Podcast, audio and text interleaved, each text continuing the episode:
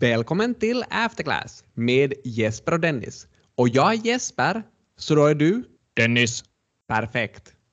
Och Tesla går som tåget, fast de gör elbilar. Ja, visst var det någon ny stor affär på gång? Ja, är det så att Hertz, stora biluthyrningsfirman, som har lagt in en stor order, är det 100 000 Tesla-bilar? Och är det här samma Hertz som har gått i konkurs eller gjort sån här Chapter 11 nyligen? Jo, det var, blev väl lite problematiskt kring de här covid-tiderna att ha en massa bilar stående. Så det blev en Chapter 11, men eh, i en sån situation kan det ju också vara billigt för någon annan att ta över. Och det är väl kanske det som har hänt nu.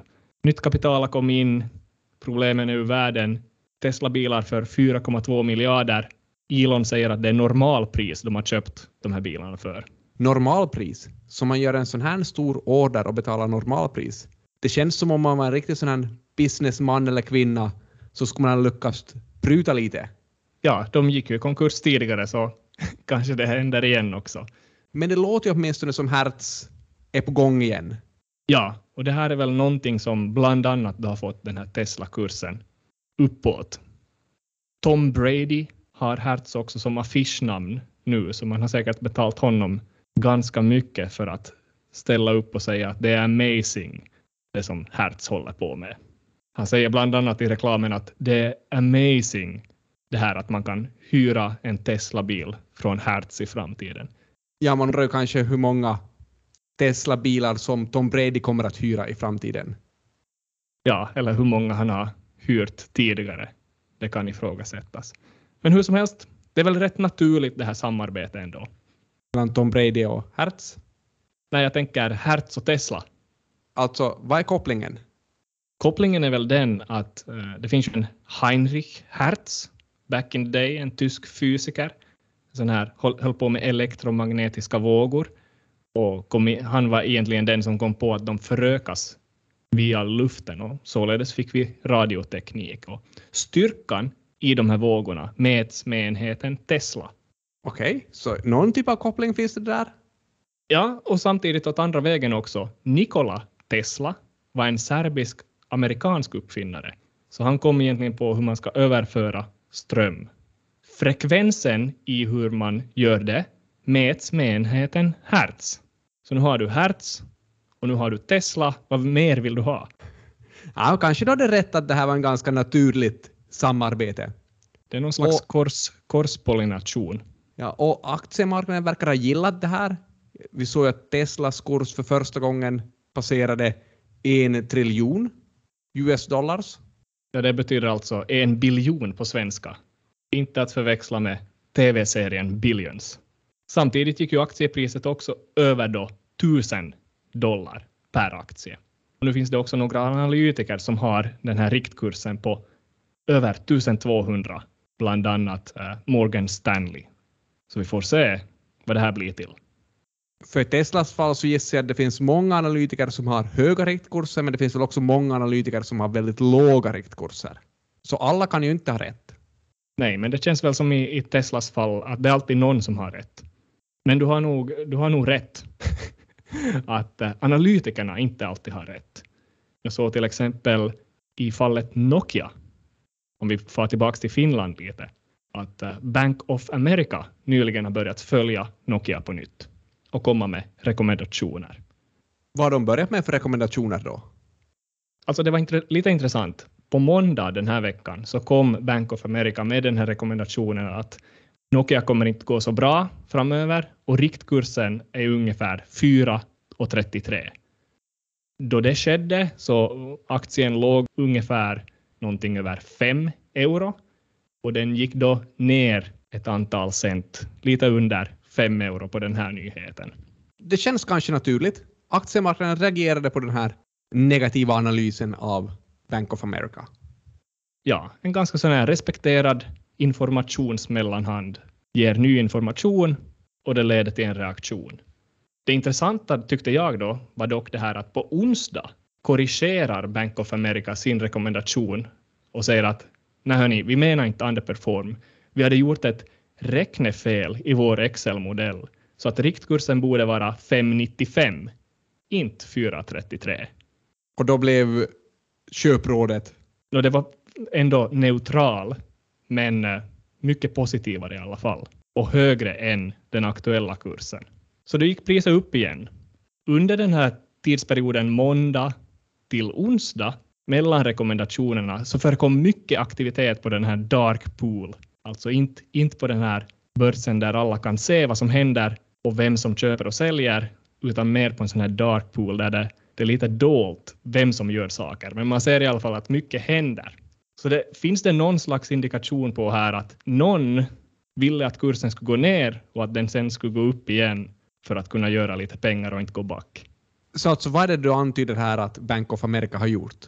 Nu, antingen att de själva kanske har legat på korta sidan eller att någon, någon annan har gjort det, att de måste hjälpa dem ur knipan. Lite märkligt i alla fall tycker jag det här att börja följa ett bolag, säga att det är dåligt, sen komma och säga att vi gjorde ett räknefel, här är det verkliga värdet. Summa summarum så kanske Bank of America kom ut ur sin knipa eller hjälpte någon annan ut, av, ut ur knipan. De är nu mer positiva till Nokia och det har de väl lite rätt i. För Nokia presenterade just sina Q3-siffror. Ja, Q3 visar väl att Nokia är på rätt väg. Pekka Lundmark, vdn alltså, säger också lite så här att vi skulle kunna växa ännu mera om det inte vore för komponentbristen. Och den har man ju hört om. För det är ju en av de här riktigt heta ämnena för den här rapportsäsongen. Så vi ska komma ihåg, kvartal tre har ju varit för en stund sedan och vi har nu börjat få de här rapporterna. Och vi sa Nokia pratade om komponentbristen och det är egentligen två saker kanske vi håller koll på här. Vi vill höra om komponentbristen och så är vi lite intresserade av om, om man ser någon inflation som man tvingas köpa in varor dyrare än tidigare. Precis det, ja. Så har du något specifikt som vi ska fundera på gällande komponentbristen? Ja, vi kunde ta och titta på några exempel här. Först Scanfil, kontraktstillverkare. Och de här är väl som tillverkar ganska sån här mycket elektronik, saker som behövs kring elektronik. Kom det överlag med en ganska bra rapport. Men vad skriver de om komponentbristen? De ger egentligen en varning och säger att mot slutet av 2021 så kan vi få problem på grund av brist av vissa material. Och de pratar då speciellt om sådana här halvledare. På engelska alltså semiconductors. Semi, halv, konduktör, någon form av ledare på tåg. Stämmer väl? Halvledare, är det är lite sån här chip och kretskort och såna grejer? Ja, elektronik. Låter bra. Men det är en bristvara. Så jag menar, man hör någonting om komponentbristen så kanske det här är något vi ska vara oroliga för. Om vi tittar på något annat sån här verkstadsbolag, så Ponsse, som gör, Skogsmaskiner. ja, varje persons dröm till att få en egen skogsmaskin. Så skriver de någonting intressant. För övrigt kom de också med en väldigt bra rapport. Säger de Så- också någonting om halvledare? Ja, de säger att tillgången på de här halvledarna har minskat under kvartalet. Så kanske det här är något vi ska vara oroliga för. Jag tittade också lite på Wärtsilä här. Vår vän Håkan Agnevall. Mm. För man tänkte att kanske de också har problem med de här halvledarna och olika material. Eftersom man vet ju att det här Aurora Botnia här i Vasa blev lite försenad. Och de hade visst en Wärtsilä-motor. Det stämmer, ja. Men för Wärtsilä verkar nog det mesta tuffa på. Jag säger att orderingången var riktigt fin. Att Håkan hade sålt friskt. Ja, orderingången var bra för Wärtsilä och egentligen ser det ut som åtminstone två av våra bolag som vi läste om lite här påverkas av den här halvledarbristen. Eller åtminstone varnar för att man kanske kan påverkas. Det intressanta här är att de skriver om det men det syns ju inte ännu i deras siffror utan siffrorna kommer in ganska bra överlag. Yes, yes, jag ska skriva ner det här. Intresseklubben antecknar. Komponentbrist. Vad ska vi kolla på något annat i de här rapporterna? Kanske ska hålla koll på inflationen också. Så då söker vi efter ställen där det står att inköpspriserna ökar. Och vi är intresserade då om inköpspriserna ökar, lyckas de här företagen ta mer betalt från sina kunder eller inte? För annars lider ju marginalen. Yes. Hur är det med Scanfil där då? Scanfil skriver så här. Materialkostnaderna har ökat och de har lyckats föra över de här kostnaderna till kunden, men på en nollmarginalsbasis. Så att marginalen skulle vara oförändrad i det fallet då. Jag tror att det är så att marginalen har gått ner, för du har inte fått någon marginal på den här prisökningen. Det har liksom gått ett i ett. Är det lite samma då som i fallet Viking Line. Jag säger att de säger att nu har bränslepriserna gått upp väldigt mycket. Således kommer vi att införa ett bränsletillägg på våra biljettpriser. Så att till exempel 3,80 mera för en Helsingfors-Stockholm-kryssning på grund av bränsleprishöjningar. Så det är väl kanske en likadan sådär 1-1 matchning. Ja, det är väl exakt på så sätt som det är i Scanfils fall. Om man tittar på det andra bolaget vi pratade om, Ponse, så där ser deras VD Juho Nummela att de har också märkt av de här höjda materialpriserna. Men de kommer inte lyckas föra över de här höjda materialpriserna till sina kunder eftersom att priset på skogsmaskinerna blir bestämt när kunden köper den här skogsmaskinen medan den produceras sen i efterhand. Så en liten nackdel med långa cykler. Hur är det då med Wärtsilä? Jag tänker, där är det väl också ganska långa cykler. Det tar jättelänge att göra en maskin. Ja, och om du sa ju Wärtsilä tidigare att deras orderbok såg väldigt bra ut. Och marknaden reagerar ju väldigt positivt på den här stora orderboken. Men på basen av vad vi ser så kanske man skulle reagera ganska negativt på den här stora orderboken. Ja, alltså har Håkan varit och sålt bort sig nu? Håkan, Håkan. Ja. Framtiden får utvisa. Så nu ska intresseklubben anteckna vidare då att bolag med produkter som det tar länge att tillverka kommer att drabbas hårdare av inflation. Ja, det tycker jag intresseklubben kan anteckna och det här är ju faktiskt någonting ganska intressant att här har man ju lite sådana här tips för vad man kan fundera på. Så det får man nästan både anteckna och sträcka under. Det är bra med tankenötter. En annan tankenöt som jag också gillar är att fundera på hur inflationen kommer att påverka PE-talen. Har vi haft ganska höga PE-tal? Historiskt höga. Och en orsak till det här har varit låga räntor. Men kanske också låg inflation är en av orsakerna till de här höga P-talen. Så om vi tar räntorna först. Låga räntor, låga avkastningskrav leder till höga priser. Så då blir PE-talet, alltså pris genom vinsten, högt. Men inflationen påverkar också P-talet. Inflationen påverkar egentligen hur bra det här vinstmåttet vårt är. Så vinsten är ju i princip omsättningen minus kostnaderna plus minus lite annat. Och en av de här kostnaderna som är speciellt intressant här är ju då avskrivningarna. Ja, för den laggar ju lite. Exakt. Du skriver ju av på basen av kostnaden du hade när du köpte den här fabriken eller gjorde den här investeringen. Och om vi har inflation så har du ju köpt den här fabriken för, för billigt egentligen. Så det gör att avskrivningarna blir för låga när det finns inflation. Och då blir vinsten högre.